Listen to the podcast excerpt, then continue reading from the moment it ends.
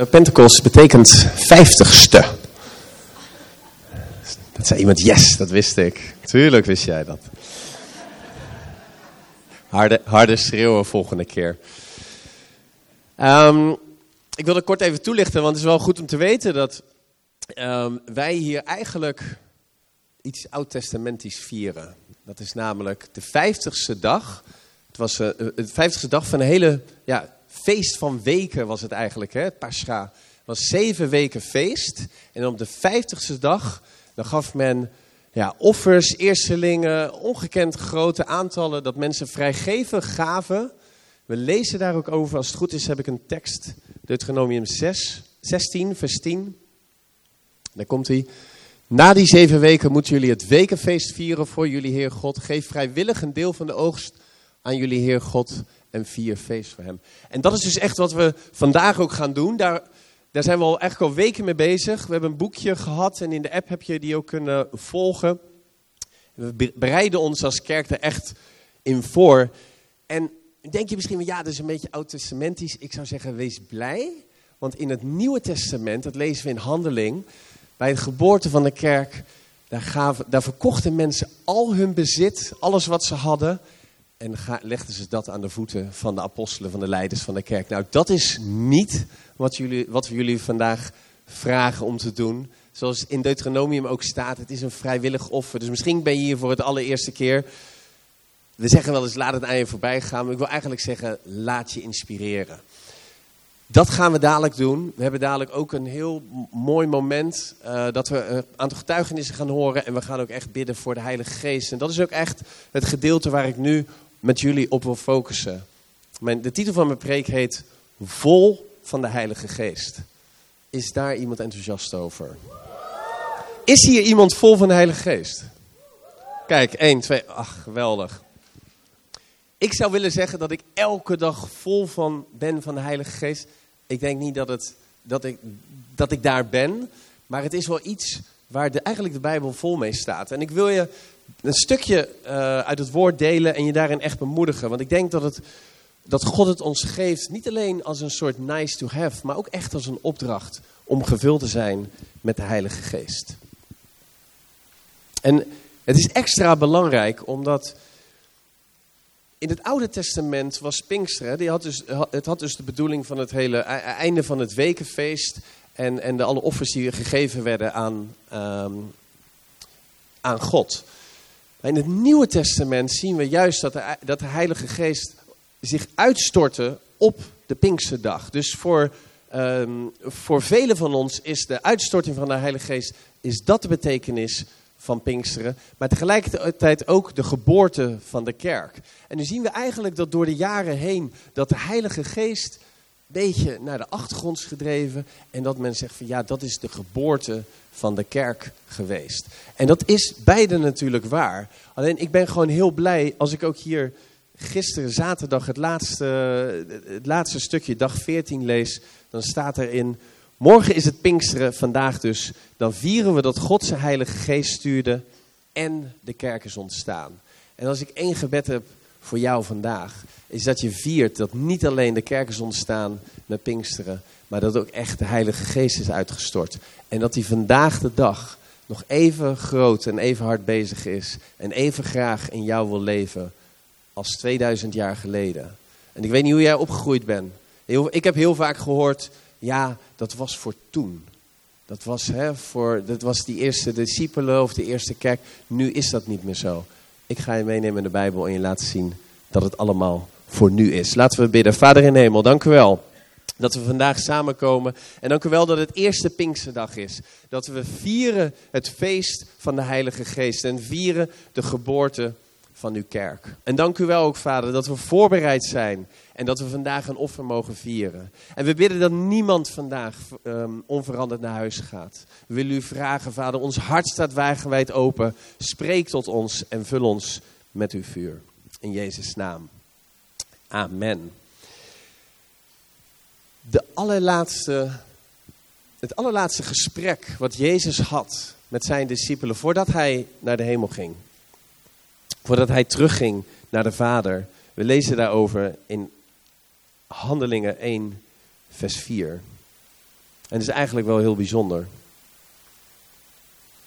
Want hij zei toen, ze waren op de, uh, vla, uh, op de olijfberg vlak voordat hij heen ging. Toen hij op een keer bij hen was, zei hij tegen hen dat ze niet uit Jeruzalem mochten weggaan. Hij zei dat ze in Jeruzalem moesten blijven wachten, tot, wachten op wat de Vader beloofd had. Ik heb jullie al verteld wat die belofte is, zei Jezus. En even verder in vers 8, dan zegt hij dan wat die belofte is. Jullie zullen de Heilige Geest krijgen. Hij zal jullie kracht geven. Dan zullen jullie aan de mensen gaan vertellen wat jullie van mij hebben gezien en gehoord. Eerst in Jeruzalem en dan in heel Judea en Samaria en daarna de rest van de wereld. Hoe bijzonder is dat? Dat Jezus zegt, jullie mogen niet verder gaan. Jullie mogen niet weggaan uit Jeruzalem. Je mogen niet de grote opdracht die, jullie, die ik jullie geef, en misschien ken je hem wel, ga heen. Vertel alle volken van mij. Leer ze wat ik jullie geleerd heb. Doop ze in de naam van de Vader en de Heilige Geest. Het was een mega opdracht die de discipelen meekregen. Maar ze mochten niet weg uit Jeruzalem. Ze mochten eigenlijk niet starten met die opdracht voordat ze de Heilige Geest hadden ontvangen. En mij zegt dit heel veel. Mij zegt dit, dat als wij de Heilige Geest niet hebben, als wij, als, als, als wij de Heilige Geest niet door ons laten werken, dan kunnen we plannen hebben voor onze kerk. Dan kun, kun je plannen hebben voor je eigen leven. Maar dan zal het nooit datgene gebeuren wat God daadwerkelijk bedoeld heeft voor jouw leven. En ik vind het heel bijzonder dat juist nu Jezus zegt, wacht, ik heb de Heilige Geest beloofd. En jullie mogen niks, jullie mogen niks doen zonder dat jullie eerst de Heilige Geest hebben ontvangen. En uit zijn kracht dingen gaan doen. En misschien sta je wel aan de vooravond van een grote beslissing. Misschien sta je, uh, ga je iets heel anders doen voor werk of ga je bepaalde grote keuzes maken. Dan wil ik je echt bemoedigen om vandaag de dag te zeggen, God, ik ga niet verder totdat ik u toelaat. Spreek tot mij, Heilige Geest. Wilt u, mij, wilt u mij leiden? Wilt u mij kracht geven? Misschien ga je door een situatie waarin je uitgeput bent en moedeloos. Ook hier voor jou geldt deze tekst. Sta stil en zeg God, ik wil de Heilige Geest ontvangen. En ik ga niet verder totdat u, voordat u met, tot mij spreekt. En Jezus gaat eigenlijk nog verder. Hij zegt eigenlijk van ja, hoewel je drie, hoewel je drie jaar lang met mij samen bent geweest, discipelen. Je hebt alles gezien. Je hebt, je hebt gezien dat ik mensen genas. Je hebt ongekend veel wonderen gezien. Mensen die uit de dood opstonden. Maar toch zou het niks zijn zonder de kracht van de Heilige Geest. We lezen in Johannes 16, vers 7 nog verder over. Hij zegt namelijk niet alleen dat je de Heilige Geest zult ontvangen, maar hij zegt zelfs dat het beter is dat Jezus weggaat. Geloof mij, het is beter voor jullie dat ik wegga. Want als ik niet wegga, kan de helper niet naar jullie toe uh, komen. Maar als ik wel wegga, kan ik hem naar jullie toesturen. En even verder lezen we in Johannes 16, vers 12 en 15, 12 tot 15. Ik heb jullie nog veel meer te vertellen, maar jullie kunnen dat nog niet aan. Als je even bij stilstaat. Jezus die had eigenlijk in zijn tijd op aarde nog veel meer te vertellen aan de discipelen, maar zij konden het nog niet aan. Hij geeft hier iets heel bijzonders, vers 13. Maar als de geest van de waarheid gekomen is, zal hij jullie de hele waarheid laten zien. Want hij zal niet zelf bedenken wat hij zal zeggen. Hij zal zeggen wat hij van God moet zeggen. En hij zal jullie vertellen wat er in de toekomst gaat gebeuren. Hij zal mij eren, want hij zal jullie vertellen over alles wat van mij is. Alles wat van de Vader is, is van mij. Daarom zei ik dat hij jullie zal vertellen over alles wat van mij is. Het was mij nooit opgevallen dat Jezus eigenlijk maar. Dat Jezus eigenlijk nog meer aan ons had willen vertellen. Maar dat we daar nog niet aan toe waren. En dat hij zei: Maar de Heilige Geest zal jullie dat vertellen. Hoe bijzonder is dat? Als jij de Bijbel leest en je leest enkel de Bijbel, zonder de Heilige Geest te vragen, jou te openbaren, wat God tot jou wil spreken, dan zou het zomaar eens kunnen dat je een gedeelte van Gods glorie, een gedeelte van de mysterie van God, die Hij nog aan jou en mij wil openbaren, dat je daar nooit aan toe komt. En ik denk dat we decennia, misschien wel eeuwenlang, gelezen, eh, de, Bijbel alleen gekeken hebben en gelezen als zijnde het woord van God en gekeken wat er staat, zonder de Heilige Geest en zonder God te vragen, God, wilt u door dit woord tot mij spreken? En ik ben zo verheugd dat ik in een kerk zit waar mensen enthousiast zijn, gevuld van de Heilige Geest. God vragen, God wilt u tot ons spreken? En hij zegt zelf, hij zal jullie vertellen wat er in de toekomst gaat gebeuren. Voor de profeten onder ons is dit een heel bemoedigende tekst. De Heilige Geest zal jou en mij vertellen wat er in de toekomst gaat gebeuren. Maar dan is het wel, dan is het wel aan jou en mij om te vragen en op je knieën te gaan. Te zeggen, God, wilt u mij vullen? Wilt u in mij komen? En dat is niet, een, dat is niet iets wat er maar even bij hoort. Paulus die spreekt erover en die geeft het echt als een opdracht aan ons. In Efeze 5, vers 18 tot 19 lezen we daarover. Word niet dronken van wijn, want dan weet je niet meer wat je doet. Maar word vol van de geest en spreek tegen elkaar met psalmen, eh, lofliederen en liederen in talen van de geest. Zing en jubel met je hele hart voor de Heer.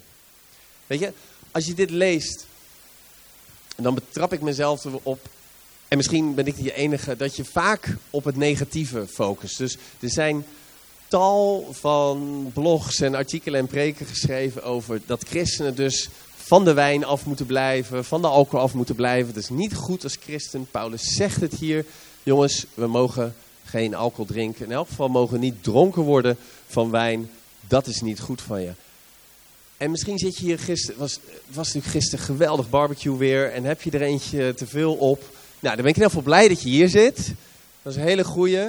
We zullen, God heeft je al lang vergeven.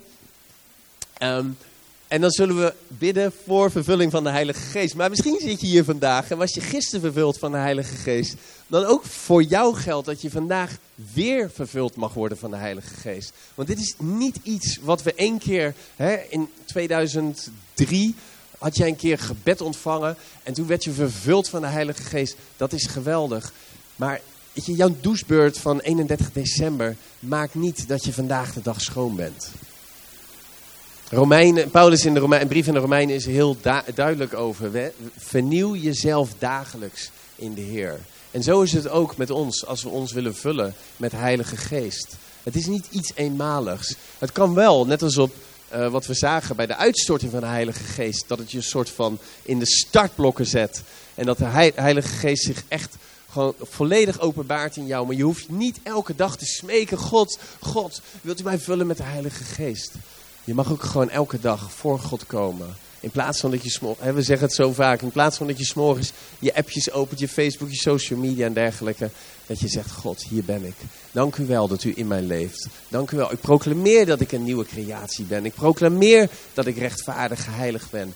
En ik proclameer dat uw koninkrijk komt hier op aarde. En dat hij in mij leeft. Elke dag.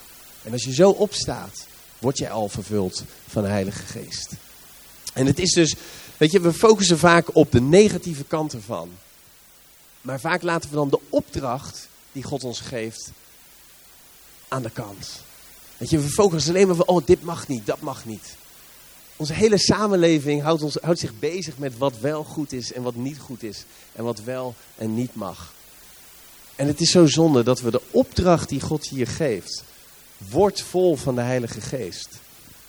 Dat we daar eigenlijk veel te weinig over nadenken. Ik weet niet hoe het met jou zit, maar ben jij vanmorgen opgestaan heb jij gedacht, hmm, hoe word ik gevuld met de Heilige Geest? Ik denk dat we dat veel te weinig doen. Maar toch geeft God het als een, als een opdracht aan ons mee. En er is één man in de Bijbel in het Nieuwe Testament, die vanaf het begin dat er over hem gesproken wordt, tot en met zijn dood, dat er van hem gezegd wordt, hij was vervuld met de Heilige Geest. Is er iemand die weet, het is niet Jezus, is er iemand die weet over wie ik het heb? Stefanus. Yes. Ik wil je meenemen kort door een aantal, een, aantal eh, tekstgedeeltes in Handelingen 6. Want ik denk dat Stefanus een voorbeeld is voor velen van ons. En er staan wat interessante dingen in die ik eigenlijk nooit zo gelezen heb. Laten we lezen in Handelingen 6. We starten in vers 2, maar in vers 1 gaat het erover dat er oneenig oneenigheid was tussen de Grieks en Aramees sprekende mensen in de gemeente over de verdeling van eten.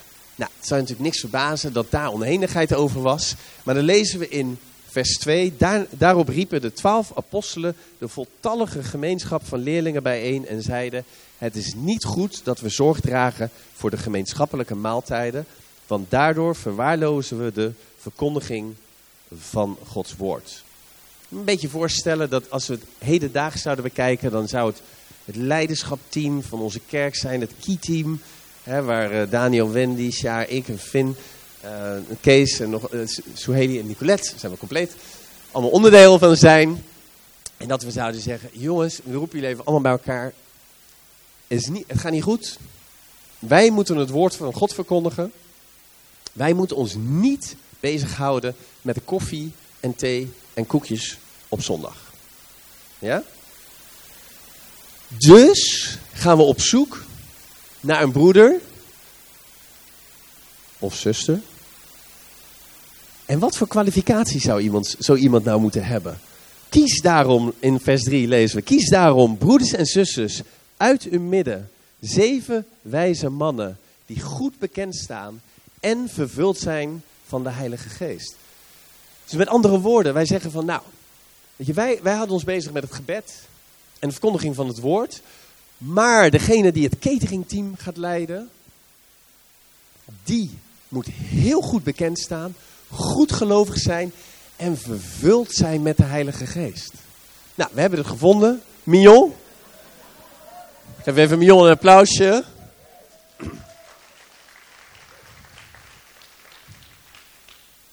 Maar ik vind het eigenlijk best wel bijzonder. Dat misschien zou je denken van ja, de maaltijden, hè, er moet zoveel gebeuren. Het woord van God, dat was de grote opdracht. Dat moest verkondigd worden. Maar juist voor die ogenschijnlijk minder belangrijke dingen in de gemeente, het eten, de maaltijden, werden de mensen gezocht die vervuld zijn met de Heilige Geest. En ik wil je daar echt mee in bemoedigen, want volgens mij zit de helft van de mensen die, eh, de helft van de mensen die hier zit vandaag, die dient wel ergens op een team. Misschien doe je vertaling, misschien ruim je iets op, misschien bouw je iets op of bouw je iets af. Weet je, ik geloof dat God ook tegen jou vandaag zegt: Ik ben op zoek naar mensen die vervuld zijn met de Heilige Geest. En het bijzondere aan Stefanus is dat hij, dat hij op een gegeven moment voor het hele Sanhedrin komt. Dat hij geweldige wonderen doet, zoveel tekenen, dat zijn bediening zoveel verder ging dan alleen maar dat ene stukje maaltijden voor de gemeente verzorgen. En we lezen daar verder over. Aan hen zullen we deze taak opdragen, terwijl wij ons, kunnen, uh, wij ons zullen wijden aan het gebed en de verkondiging van het woord. Alle leerlingen stemden met het voorstel in. Ze kozen Stefanus, een diepgelovig man, die vervuld was van de Heilige Geest. Daar werd het alweer gezegd. En verder nog een aantal andere mensen, Filippus en dergelijke. Ze lieten deze mannen plaatsnemen voor de apostelen, die een gebed uitspraken en daarna de handen oplegden. Wendy zei het net al, vandaag gaan we ook mensen in de startblokken zetten voor jouw bediening in de kerk. We gaan dadelijk een, uh, een uh, 10, 15 minuten misschien wel nemen om het offer te doen, te bidden voor de Heilige Geest. Maar als jij zegt van ja, ik wil ook vandaag, ik heb echt het idee dat God mij roept. En ook als je niet roept, mag je dat ook doen. Voor bediening, voor helpen in deze kerk. Het is mijn verlangen dat God door mij heen werkt en dat ik iets bij kan dragen om zijn koninkrijk verder te brengen hier in deze stad, in deze kerk. Dan, wil, dan willen we ook echt voor jou bidden en je vrijzetten. En misschien denk je van, nou, ik ben nog niet helemaal vervuld van de Heilige Geest. Daar gaan we dadelijk ook voor bidden. Maar ik wil nog even terug naar Stefanus, want hij, we lezen verder in Handelingen 7, vers 8. Stefanus deed grote wonderen bij de mensen. Hij was een man vol geloof en vol kracht. Weet je, voor mij staat Stefanus echt als, gewoon als een voorbeeldman die vanaf het begin al, uh, over, als er over hem gesproken wordt, gezegd wordt, hij is diep gelovig. Hij is vol van de Heilige Geest. En hier zien we dat ook God grote wonderen door hem heen doet. En eigenlijk zien we bij Stefanus hetzelfde gebeuren als bij Jezus. Als God jou vervult met zijn kracht, als hij jou, jou vervult met zijn Heilige Geest, dan ben jij in staat om in zijn kracht een verschil te maken in jouw wereld. En dan komt er misschien tegenstand. Bij Stefanus was dat gigantisch. Maar soms denk ik wel eens van ja, als we te weinig tegenstand ervaren, dan wel, zijn we dan wel op de goede weg? Het betekent helemaal niet zo dat het leven met God alleen maar uit tegenstand uh, moet bestaan. Of dat als je je in gaat zetten voor God, dat ineens alle demonen jouw kant op komen. Maar het is wel zo, dat, en daar wil ik je echt in triggeren en bemoedigen. En ik ben blij om te zien dat hier een generatie opstaat van mensen die zeggen... Het maakt me niet meer uit wat mensen van mij denken. Het maakt me niet meer uit of ze mij uitlachen. Als ze me hè, in de moderne tijd vervolgen, misschien wel op social media of wat dan ook. Of dat mijn collega's iets van mij denken. Maar ik weet waar ik voor sta. En ik heb de kracht van God in mij. Ik denk dat de tijd gekomen is, lieve mensen. De uitstorting van de Heilige Geest, die we niet alleen vandaag mogen vieren als, een, als iets wat 2000 jaar geleden gebeurd is. Maar iets wat vandaag ook daadwerkelijk gebeurt. Zodat jij en ik vrij kunnen gezet uh, gaan worden in onze bediening. Ik denk dat we misschien, en ik spreek even heel persoonlijk, misschien zitten hier mensen die, die, die zeggen, ja, ik heb te lang het comfortabele leventje geleefd. Te lang naar, eh, op zondag naar de kerk gegaan, maar eigenlijk weten mijn collega's zo helemaal niet dat ik geloof. Of mijn buurman of buurvrouw. En ik vind het eigenlijk allemaal wel prima. Come Holy Spirit, fill this place. Dry bones awaken, hebben we net gezongen. Dry bones awaken. Weet je, misschien als jij vandaag naar jezelf kijkt, dan zeg je van ja, God, dry bones, dat typeert mij. En het is tijd dat ik vervuld word met de Heilige Geest. Weet je, die Heilige Geest, die Heilige Geest, sorry. Het is niet een, iets wat er maar bij komt. Het is iets wat God ons echt tot opdracht geeft. Wees vervuld met de Heilige Geest. Dus ik kan me niet anders voorstellen dat je vandaag hier naar buiten gaat en dat je voor jezelf de keuze gaat maken van ja God, ik wil gevuld worden met de Heilige Geest. En weet je, het is helemaal niet moeilijk. Het is, het is niet iets wat um, ver buiten jou staat. Het is iets waarvan je zelf kunt zeggen van ja God, ik stel mij open. God, wilt u in mijn leven komen? Misschien heb jij die keuze al gemaakt. Misschien is het voor de allereerste keer vandaag dat je die keuze gaat maken. Maar we willen je zo die mogelijkheid geven om dat te doen. Weet je, zonder, zonder die Heilige Geest is echt niks mogelijk. En het vervuld worden van de Heilige Geest. Er zijn eigenlijk drie manieren die helpen, of drie dingen die helpen om gevuld te worden met de Heilige Geest. En de eerste is geloof. Want weet je, er staat in het woord dat als je de rechtvaardige leeft door geloof. En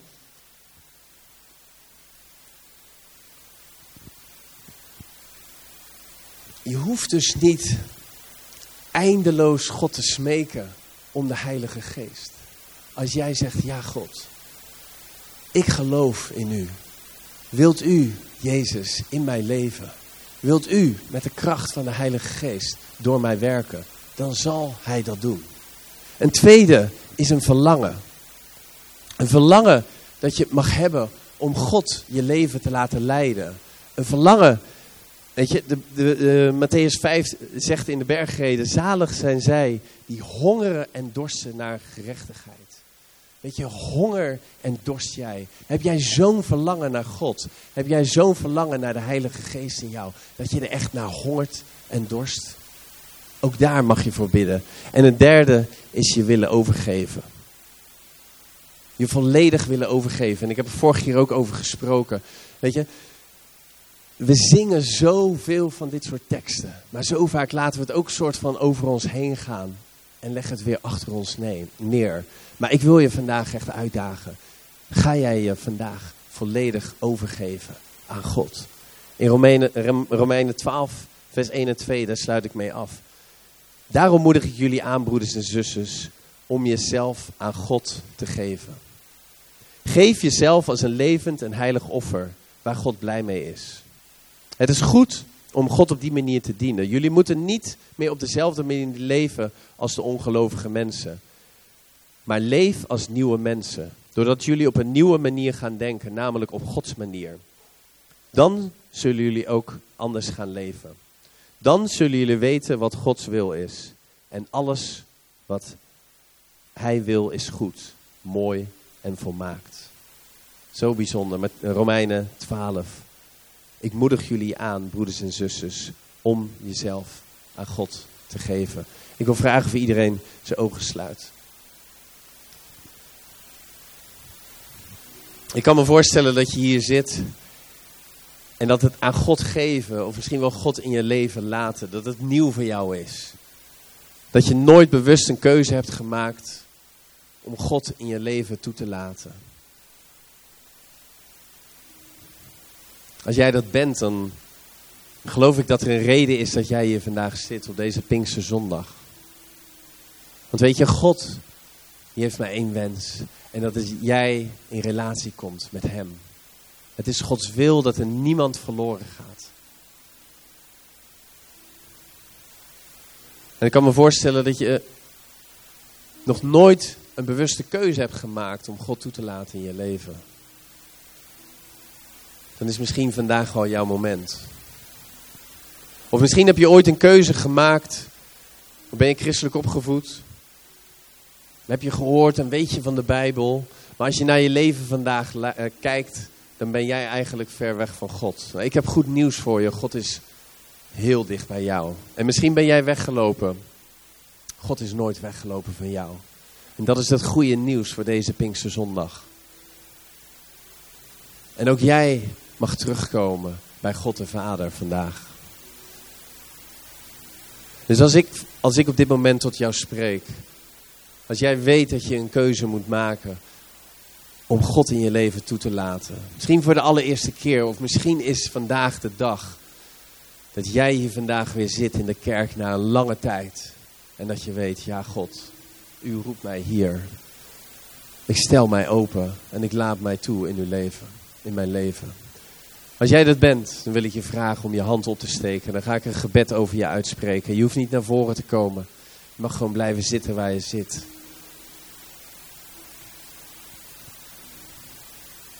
Weet je, er is niets mooiers dan een keuze maken, dankjewel, voor God.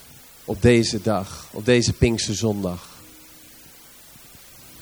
En ik wil je bemoedigen om niet langer te wachten. Als jij nog twijfelt, dan wil ik echt vragen om alle twijfel op dit moment weg te nemen. En een moedige stap te zetten. En je hand uit te strekken naar God. En te zeggen, God, hier ben ik. Geweldig. Geweldig.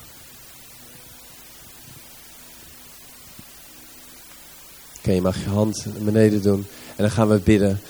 Vader in de hemel, dank u wel voor een geweldige zondag in uw huis, Vader. Vader, dank u wel dat uw Heilige Geest voor ons beschikbaar is vandaag. En Vader, dank u wel dat hier vandaag mensen keuzes maken.